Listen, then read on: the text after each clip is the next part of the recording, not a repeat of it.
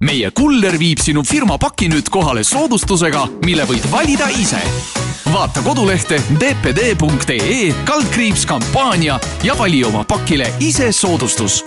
DPD, sinu pakiveo ekspert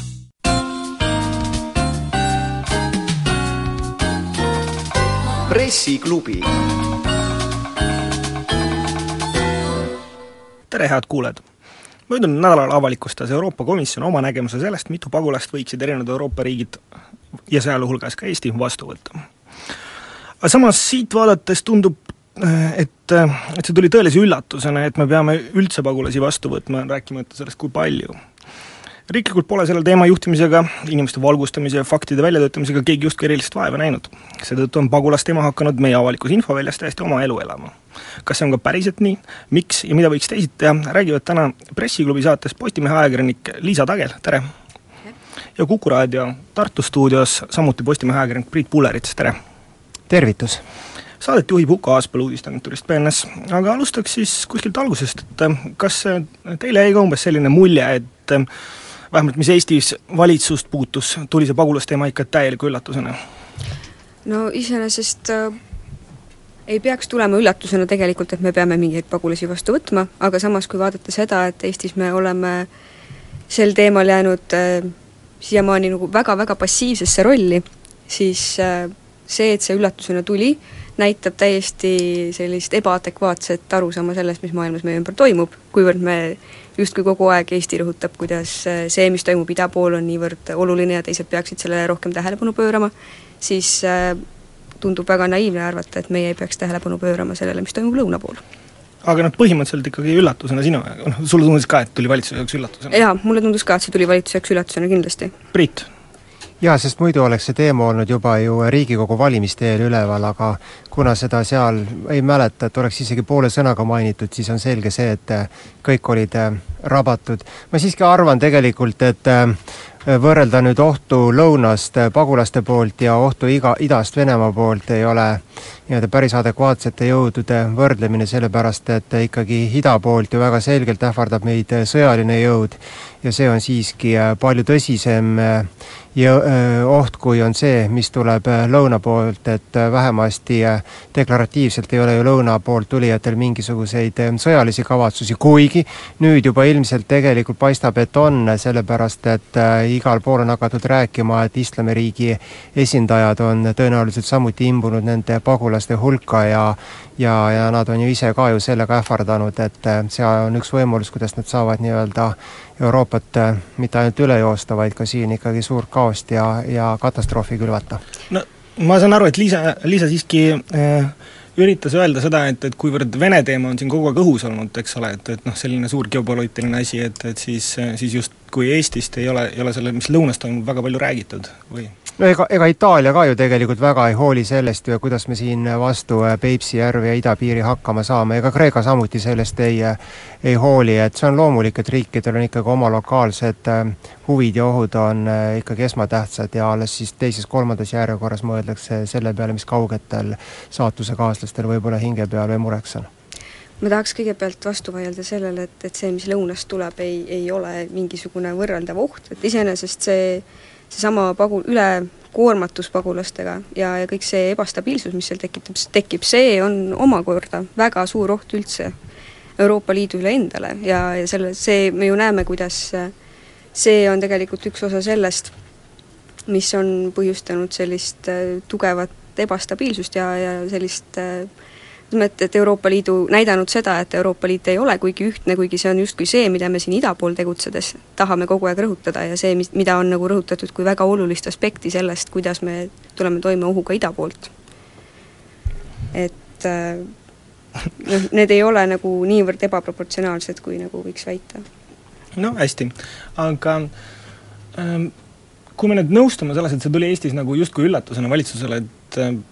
kuidas see nii saab üldse olla? Ku-, kuidas see saab tulla üllatusena, et, et see ei ole ju mingisugune noh, ma ei, ma ei taha uskuda, et Euroopa Komisjon ei räägi Eesti valitsusega sellest, et mis, mis on kavas, mis juhtumas hakkab.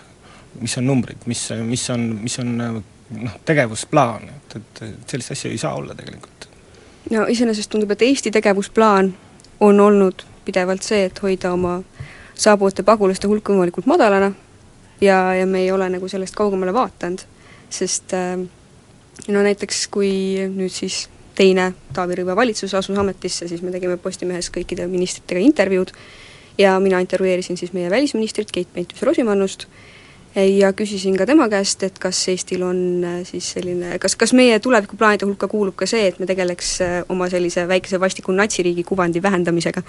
ja seda just siis pagulaspoliitika võtmes, siis ka välisminister kinnitas, et äh, me ei ole selleks valmis ka, et me ei ole selleks ka ühiskonnana valmis. Ja noh, mis iseenesest on tõsi, me, kui vaadata neid reaktsioone, siis äh, üles kerkivad äh, noh, ütleks nii, et esile tungivad ikkagi nagu selgelt negatiivsed suhtumised pagulaste suhtes, selline negatiivne üllatusmoment, aga samas see, et kui, kui minister väidab, et me ei ole selleks valmis ja peame seda lihtsalt ootama, kuni me saame rohkem valmis, siis see ju ka viitab sellele, et me ei, ei tegele sellega no siin on ju selgelt äh, tegelikult näha, et Eesti senine hästi konservatiivne sisserändepoliitika on juba iseenesest märk selle kohta, et äh, võib-olla see ei ole nii välja sõnastatud otseselt, võib-olla see on pigem alateadvuslik, aga mõte on ju selles, et kui me hakkame siin massiliselt võtma vastu pagulasi, nagu seda teevad äh, näiteks Lõuna-Euroopa riigid või, või, või seda on teinud äh, väga paljud teised Euroopa riigid, siis ühte või teistpidi, olgu see küsimus siis sisejulgeolekus, majanduslikes, äh, sotsiaalsetes probleemides ja mis väga tähtis, ka kultuurilises suutmatuses tegelikult siinse kogukonna siinsete tavadega lõimuda, siis Eesti on ilmselt käitunud väga targalt ja nad on tajunud, et oma Eesti rahva väik-, väikest arvu arvestades ei saa me siia ei saa me siin hoida sellist avatud uste poliitikat ja, ja, ja seetõttu see senine käitumine on olnud väga ratsionaalne ja äärmiselt põhjendatud. ja, ja seda joont on ju ka aetud, aga nüüd on järsku siis Brüsseli poolt siis äh, esitatud meile nõudmine, et me peame oma uksed lahti tegema ja see on ikkagi, ütleme, selline lausa paradigmaatiline muutus, mis äh, tuleb teha ja loomulikult arvestades seda mentaalsust, äh, mis Eestis on viimase kahekümne aasta jooksul kujunenud, eriti pärast äh, Nõukogude aega, kus immigrante oli nii et vähe ei olnud, ja jätkuvalt on sisserändajaid hästi palju, siis ja nende järeltulijaid, siis on see olnud igati mõistlik, et hoida sellist konservatiivset joont ja nüüd ongi siis, probleem ongi selles, et välisjõudude survel nõutakse meilt meie, meie uste avamist tegelikult ja paistab, et siinsed olukorra eripära üldse arvestamata ja tegemist on puhtalt sellise Exceli põhise arvutusega, kusjuures ega me kõigi ei tea ka ju, millised arvud on sinna Excelisse kantud ja kuidas neid omavahel on äh, suhestatud, et saada siis need tulemused, mis on, on saadud. Äh, aga siinkohal me peame tegema väikse reklaamipausi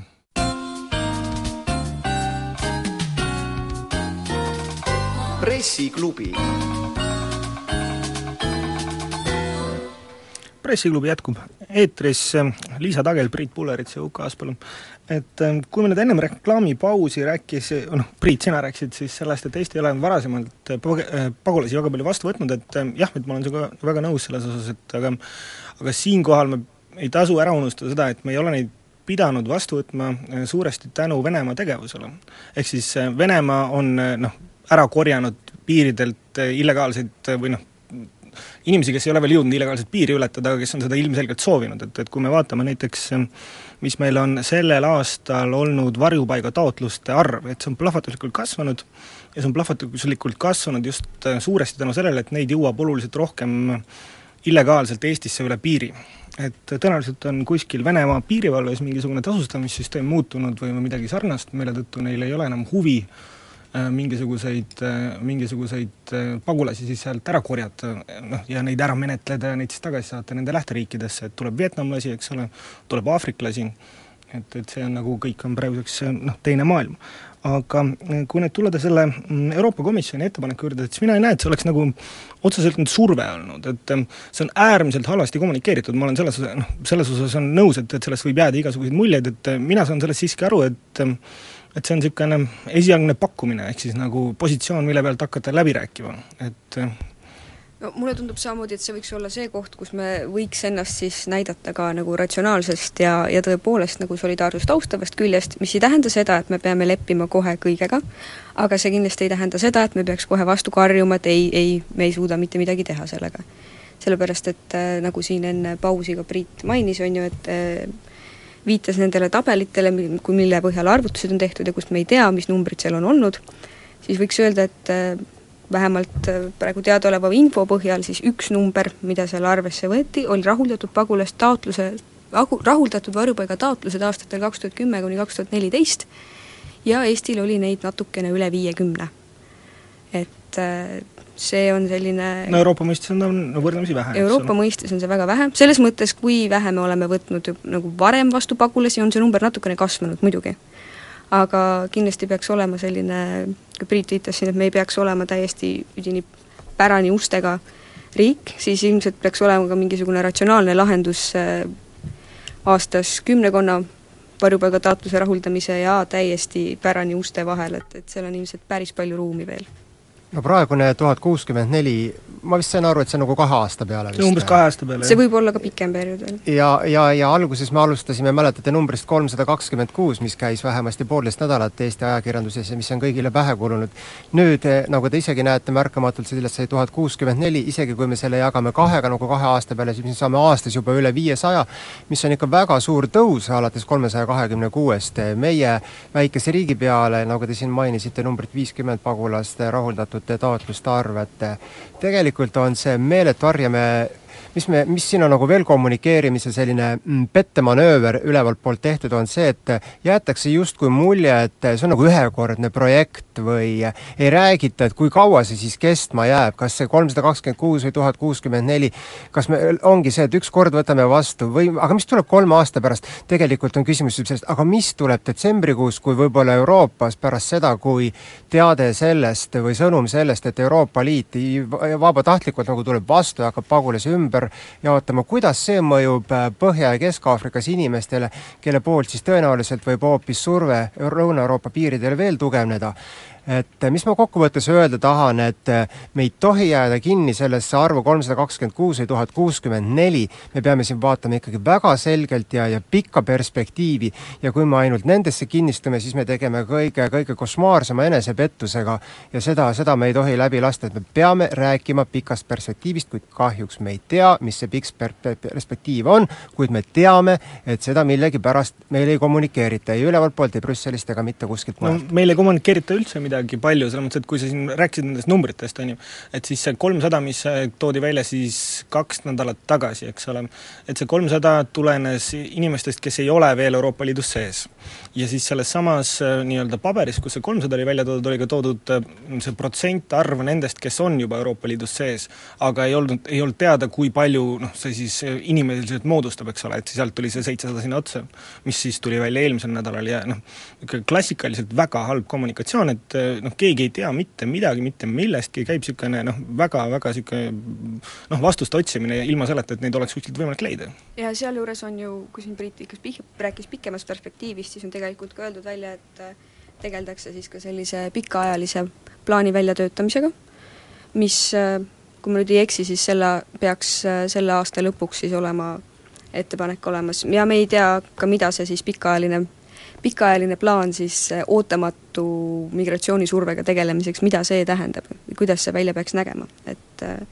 siin on tõepoolest päris palju segadust. ma arvan ka, et Eesti, Eesti nagu valitsuse esindajate senine hoiak, kui tsiteerida Taavi Rõivast, siseminister Hanno Pevkurit ja välisminister Keit Pentus-Rosimannust, on ikkagi olnud praegu vähemasti meile, mis nad on edastanud sisepoliitiliselt äh,, siseriiklikult, see, et Eesti on ikkagi nende kvootide süsteemi vastu ja rohkem me räägime sellisest vabatahtlikust äh, vastuvõtust, mis siis tugineb iseenda adekvaatsele hinnangule, kui palju me oleme suutelised vastu võtma. nii et äh, siinkohal siiski ma tahan öelda, et see valitsus valitsuse meile teada antud stardipositsioon on on, on võrdlemisi julgustav, et nad ei ole näidanud ennast kergesti alistuva ja allaheitlikuna, vähemasti meile on nad niiviisi öelnud, me ei tea, mis juttu nad räägivad tegelikult Brüsselis kinniste uste taga. Ei no nad, jah, Rõivas on öelnud, et noh, see koodisüsteem on jama, eks ole. aga mis on siis plaan, mis on tema see nii-öelda tegevuskava, mida ta läheb äh, Euroopa Komisjoniga siis kokku leppima, et, et kus kohas on see piir näiteks, palju võiks Eesti vabatahtlikult vastu võtta? et mis number siis see on, eks ole? või, või noh, et mis tõenäosus on, et, et komisjon äh, noh, ütleb, et davai Eesti, et ärge võtke siis ühtegi. või, või pakkuge oma number näiteks. ei no ma ütlen, et, et, et noh, mul, mul on see kõik väga, väga ebaselge või noh, et, et Priit, kas sina, sina said näiteks aru, et, et kui palju võiks see vabatahtlik number siis olla? tegelikult ma arvan, et eh, siin ei ole küsimus, et meie aru ei saa, ma arvan, et tegelikult ka Taavi Rõivas päris hästi ei tea, kui äh, ja, ja, ja Keit Peitus-Rosimannus, Keit Pentus-Rosimannus samamoodi ei tea seda arvu, sellepärast et see olukord on niivõrd muutlik ja mingisuguseid Exceli tabeleid eh, seal manipuleeritakse Brüsselis, kusjuures need sisendarvud, vabandust, ma räägin nii totras keeles eh, eh, kusjuures need sisendarvud on ka teadmatud, mitte ainult teadmatud, vaid nad ka tõenäoliselt nagu pidevalt muutuvad, et täna võidi lahtrisse jott sisestada arv kolmkümmend tuhat, aga võib-olla homme sisestatakse sinna juba arv viiskümmend tuhat ja, ja siit tekibki selline olukord ehk äh, mis nagu asja resümee ongi, et äh, praegu püütakse jätta muljet, nagu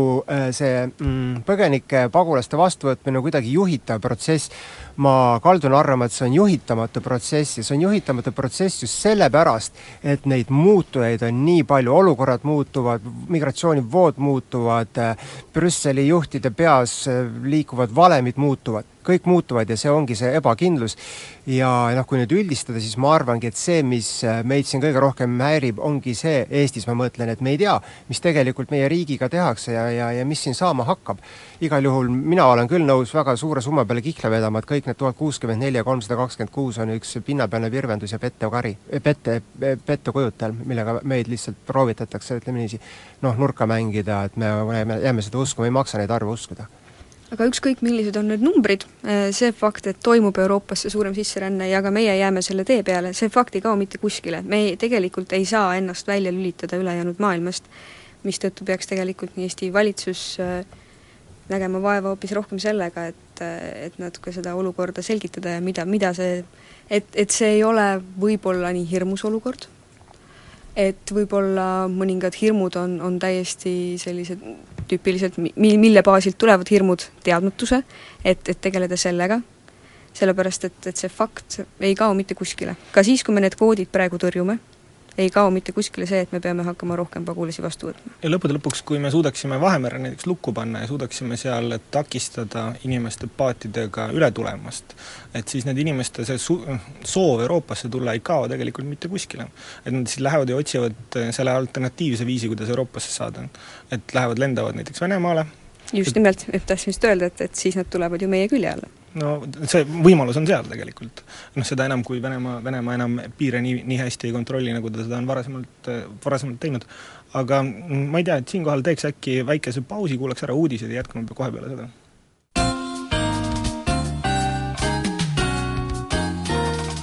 pressiklubi jätkame siis pressiklubiga, eetris Liisa Tagel ja Priit Pullerits Postimehest ja Huko Aaspõllu BNS-ist et ähm, aga räägiks natuke veel selle, selle teema kommunikatsioonist, selles mõttes, et, mulle on jäänud väga otseselt mulje, et ühtegi kommunikatsiooniplaani ei ole. Äh, selle kohta ei Eestis ega vist ka Euroopa Komisjonis tervikuna. et äh, kui ma mõtlen mingi teema nagu noh, nii-öelda eetrist mahavõtmise peale, et siis kõige parem viis selleks on nagu rääkida kõik ära aga kui sa jätad nagu asja venima niiviisi, et iga päev tilgub jälle midagi, iga, iga nädal tuleb jälle mingisugune uus tõks, et, et noh, siis on jälle põhjust sellest kirjutada, on põhjust otsida kommentaare, on põhjust seda teemat kogu aeg üleval hoida. et praegu me oleme suutnud kaks nädalat või noh, valitsus on suutnud kaks nädalat seda teemat üleval hoida, et äh, see on äh, täiesti, täiesti oma elu hakanud, elama hakanud teema, eks ole, et seal on, kõik inimesed on saanud selle kohta midagi öelda, midagi arvata, mm, ilma, ilma et äh, oleks noh, seda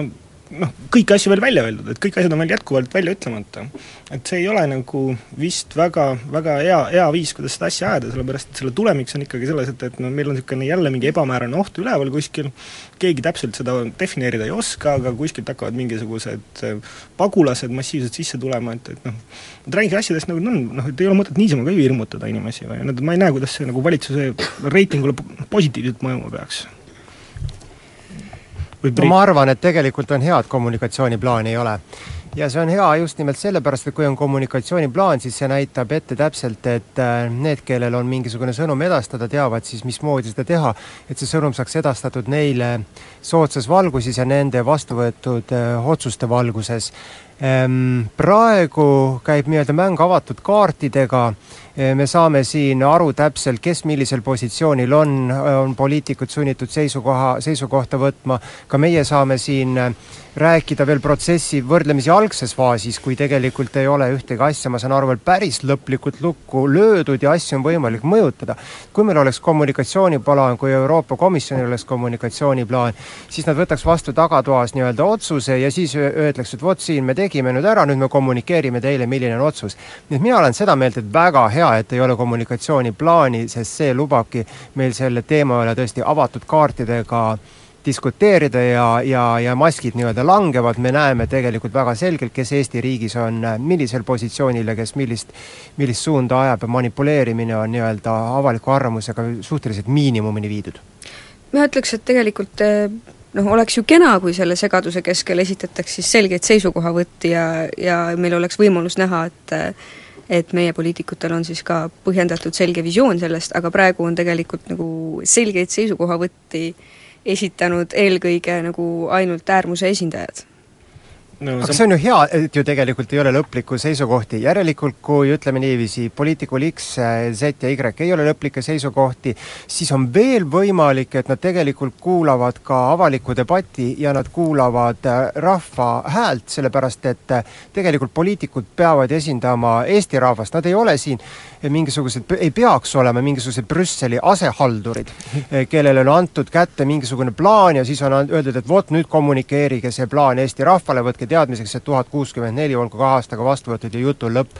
et äh, just, et kuna see, kuna seda plaani ei ole, siis, siis me saame, siis meil on vähemasti püsib lootus, et me saame kas või ka selle debati ja sadade teiste debattide kaudu, mis toimub, seda avalikku arvamust ja ka meie riigi poliitilist kulgemist ja poliitilist protsessi mõjutada. et see on tegelikult just see, mida, mille järele me oleme nutnud äh, aastaid, kui me räägime, et, et valitsus ei kuula rahvast, nüüd ükskord tegelikult selles avatud kaartidega väikluses on neil võimalik rahvast kuulata, palun tehke seda vaata, Priit, mm, mulle jälle, jälle on jäänud selline mulje, et äh, arvestades seda kommunikatsiooni ja siis ähm, seda kommunikatsiooniplaani, plaani puudumist, ähm, et ähm, peamine mõte või soov oli see, et, et see äh, pagulaste äh, teema lahendada kuskil just niisuguse kabinetivaikuses ära. et noh, plaani ei ole, sellepärast et loodeti, et see asi kunagi ei tõuse teemaks, kuigi tuleb, et noh, ta ei lähe kuidagi suureks teemaks, aga nüüd, kui ta on läinud suureks teemaks, kui ta on tulnud nagu noh, nädalaid noh, meediapildis väga, väga elavalt esile, on noh, see soov võib-olla poliitikutel, nagu, nagu siin Liisa väga tabavalt ütles, et noh, mitte oma seda positsiooni välja öelda, mitte öelda välja oma kindlaid veendumusi, oma kindlaid soove ja plaane, sellepärast et, et siis, kui, kui siis see mm,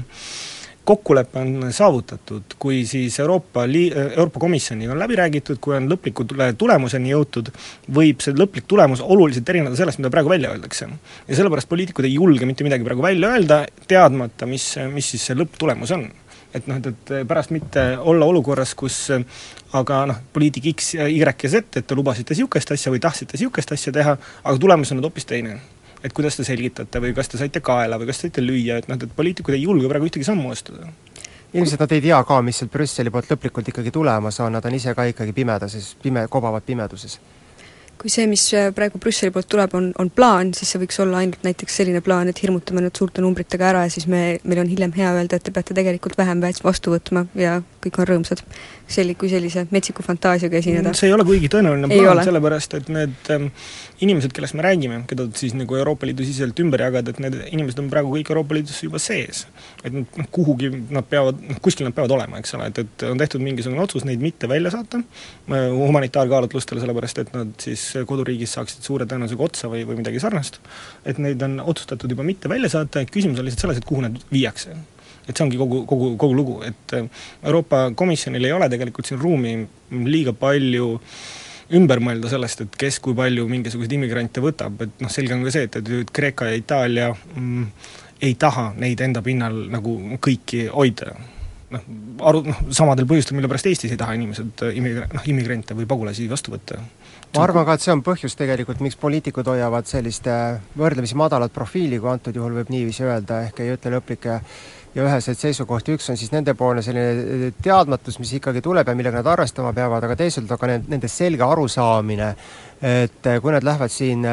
Brüsseliga väga kaasa, siis raudselt nad teenivad niivõrd metsikult miinuspunkte valijate silmis ja ma usun, et vaat see on nagu teema, mida, mida ei unustata ära, sellepärast et ka järgmisteks äh, vali, järgmiste valimiste ajaks on ju need, keda siis äh, nemad nii-öelda allkirjastatult siia vastu võttisid, siin Eestis olemas. ja see ei ole nagu ütleme, kooseluseaduse teema, mis mullu sügisel väga teravalt oli ja märtsikuuks oli see kõigil juba unustatud, sest kõik hakkasid siis äh, maksusoodustusi lubama ja ja, ja, ja muud küsimused enam ei lugenud midagi. aga vot see küsimus, see pagulaste ehk immigrantide küsimus on see, millest sa ei saa ära joosta, vaid mis hakkab tõenäoliselt nagu eskaleeruma ja, ja vähemasti tundub, et poliitikutel on siin siin pikka perspektiivi, et nad äh, mõtlevad ka juba kolme ja poole aasta peale, et, et mis siis saama hakkavad, kuidas nad siis seda seletama hakkavad, et ma oletan, et siin on, on, on see ka mängus, miks nad miks nad hoiavad konservatiivset joont. Ja ma pean ütlema, et mulle selline konservatiivne joon väga meeldib no ma ei tea, kui konservatiivne see nüüd on, selles mõttes, et ähm, ühtegi lubadust me ju ei ole näinud. et me oleme näinud väga suures hulgas umbmääraseid sõnu, mingit noh, et peaks ümber vaatama, arvutused on vigased, võiks võtta vabatahtlikult, aga, aga noh, lubadust, et äh, juhtub nii või juhtub teistmoodi, et, et sellist asja ma ei ole näiteks näinud ühegi, ühegi nagu sellise olulise poliitiku suust. ja sealjuures, kui võtta arvesse seda, et midagi tõenäoliselt juhtub, mitte kedagi me tõenäoliselt peame vastu võtma, oleks järgmistele valimistele mõeldes ka oluliselt otstarbekam tegel-, tegeleda siis sellega, et valmistada ka rahvast ette nagu positiivse programmi kohaselt, sellepärast et äh, keegi nagunii hääli kaotab siis sel juhul, kui me võtame selle stsenaariumi, et et pagulaste teemal sõnavõtmisest äh, ja võib-olla siis ka eelkõige positiivselt sõnavõtmisest hoidutakse häälte kaotamise hirmus, siis äh, häälte säilitamise huvides oleks võib-olla selline positiivne kommunikatsiooniplaan võib-olla kasulikum. noh, seda teemat on muidugi üliraske kommunikeerida, et äh, ma, ma kujutan väga hästi ette, et kuidas ma võiksin viissada eurot või kuussada eurot brutona teenivalt kuskil maapiirkonnas elavana noh, küsida, et, et kas tõesti on meil kõik Eestis nii hästi elamas, kui mm., kui me hakkame noh, võtma, võtma pagulasi sisse, et, et ma, ma näen seda probleemi, seda kommunikatsiooniprobleemi just, et, et et kui ja võib-olla ei suudeta isegi samal noh, nii-öelda samale tasapinnale jõuda, et, et räägitakse üldse mõistetest, millest üks, üksteisega vesteldes aru saadaks, sest ma olen siiamaani kuigi nüüd see teema on, on ju väga tuliselt üleval, me oleme ajakirjanduses seda kajastanud, me oleme püüdnud ka ajakirjanduses selgitada, kes on pagulane ja, ja kõike seda tausta, siis äh, iseenesest ma olen siiamaani kuulnud äh, minnes kellelegi külla, küsimust, kuule, aga kes need on, keda me siis vastu võtame, et kas need on siis need lihtsalt mingid immigrandid, kas need on mingid illegaalid või on need üld-, või need on siis ikkagi pagulased? et, et see juba, juba siinkohal on, on segadus, on ju mm. -hmm. ja ega me tegelikult vist ei tea ka, sest kui ma ei eksi, siis Keit Pentus-Rosimannus oli ju see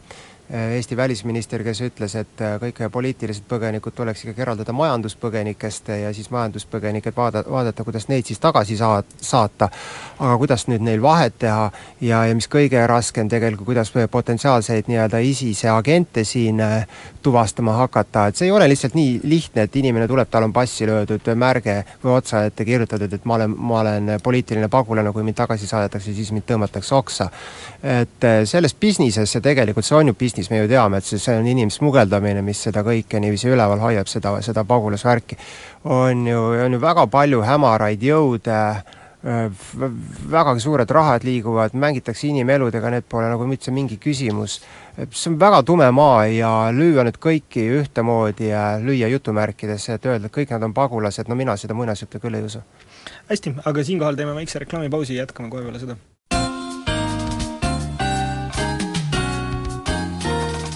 pressiklubi.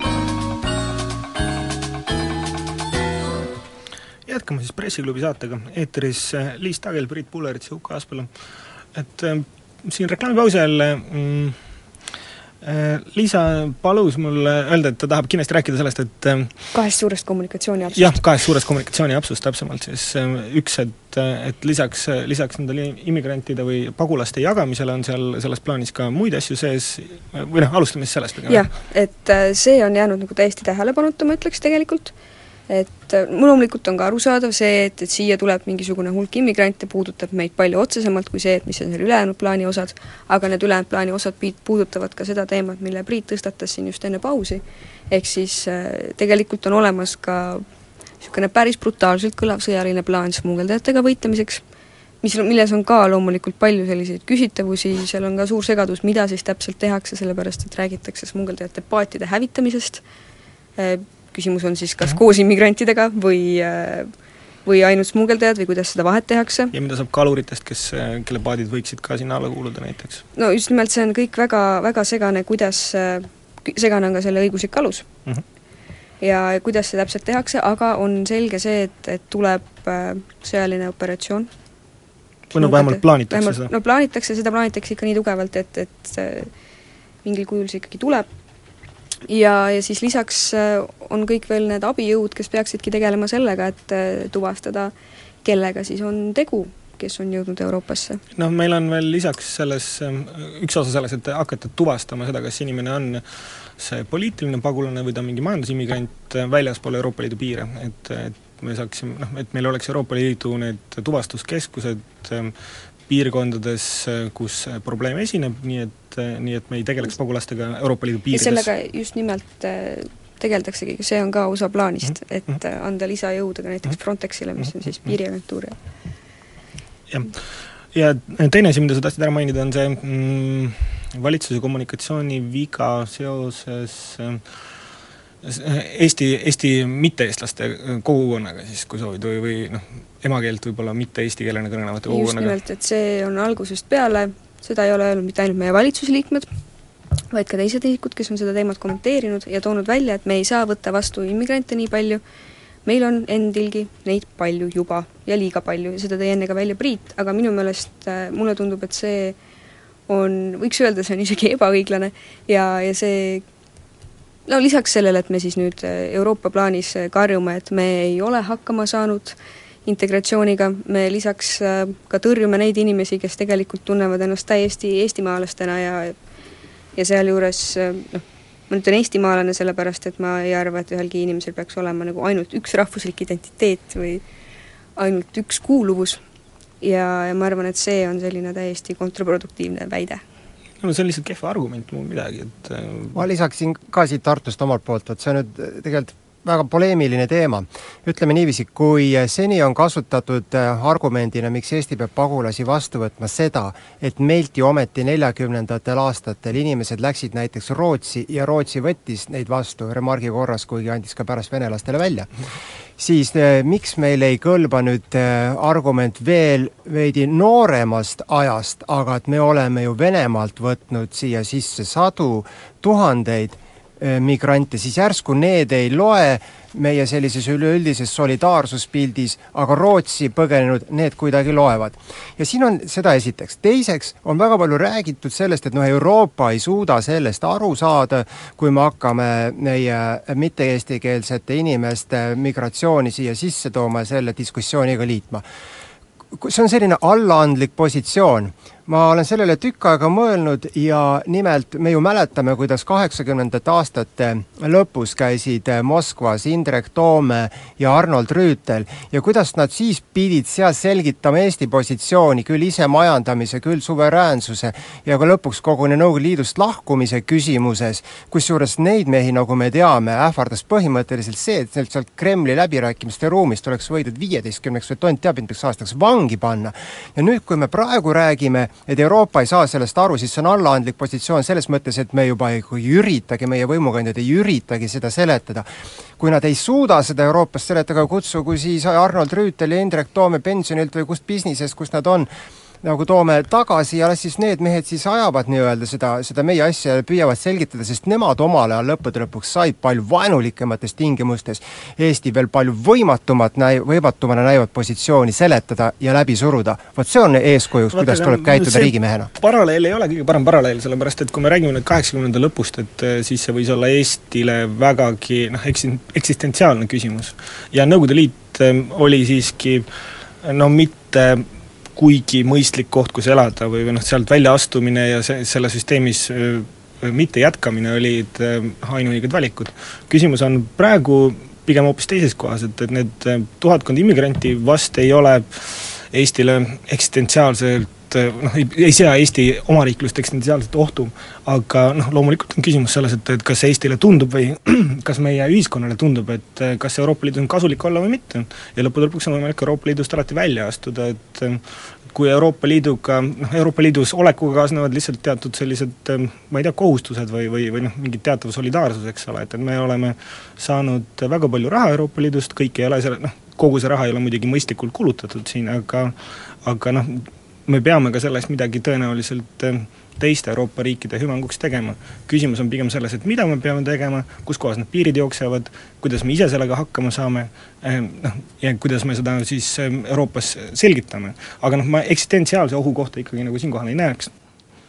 praegu veel täna mitte, aga kui tuhandest saab see kümme tuhat ja kümnest tuhandest üks hetk sada tuhat, kui neid paate siis nagu põhja ei lasta, nagu Euroopa Liit on siin ähvardanud, siis täna jah, ja kahe aasta pärast jah, mitte, aga me teame, mis jõud on. ISIS, kui brutaalne jõud on see ja milliseid halastamatuid vahendeid on ta kasuta, valmis kasutama infiltreerumiseks, siis äh, ma ei ole iluilmas nii sinisilmne, sest kes oleks meist osanud ka uskuda, et Venemaa alustab äh, oma tegevust Krimmis ja ja Ida-Ukrainas, samamoodi me ei oleks seda uskunud, olukorrad mööt-, muutuvad üüratu kiirusega. Ei no aga me peame siinkohal ikkagi nagu meeles pidama, et Euroopas ei ole tegelikult poliitilisi jõude, kes tahaks terve Aafrika või Lähis-Ida oma, oma riiki elama tuua, et tegelikult see vastuseis on üle terve Euroopa nendele paadipõgenikele ja, ja noh, et, et ükski elektoraat üheski, üheski Euroopa Liidu riigis, võib-olla Rootsi välja arvata, ma just nägin mingisugust statistikat, tegelikult ei toeta laialdast immigratsiooni, et, et noh, selles mõttes see pikaajaline protsess noh, tõenäoliselt ikkagi vaibub kuidagi. ja lootuse eesmärk ju oleks, et peatada seda, mis toimub siis Vahemere taga ja ja Lähis-Idas, kuigi see võtab kindlasti kõik veel aega. nojah, et kui sealne kriisi, kui sealsed kriisid laabuksid, et, et siis oleks kindlasti see surve ka väiksem nagu inimestel Euroopasse jõuda. aga siinkohal me vist peaksime lõpetama hakkama, et Priit, võib-olla kas sul on veel paar sõna öelda? ma tahaks öelda ka, et kui tahad rahu ehk tahad, et hästi läheks, siis tuleb valmistada sõjaks, kas just nüüd sõjaks, aga siis tuleb valmistada halvimaks, et see olekski võib-olla retsept ja, ja teine, mis ma tahan öelda, et siin öelda, et noh, et me tunneme hirmu mm, sellest, mis tulevad mujalt inimesed ja mis see kõik kaasa toob, Eestis on hea vanasõna, et ainult loll ei karda. Hästi. aga siis rahuks valmistumiseks peaks me siiski ka valmistuma selleks, et äkki me võtame aastas rohkem kui kümme pagulast vastu. aga siinkohal me peame kahjuks lõpetama, aitäh kõigile kuulajatele, aitäh saatekülalistele, saadet saab järelkuulata Kuku raadio kodulehel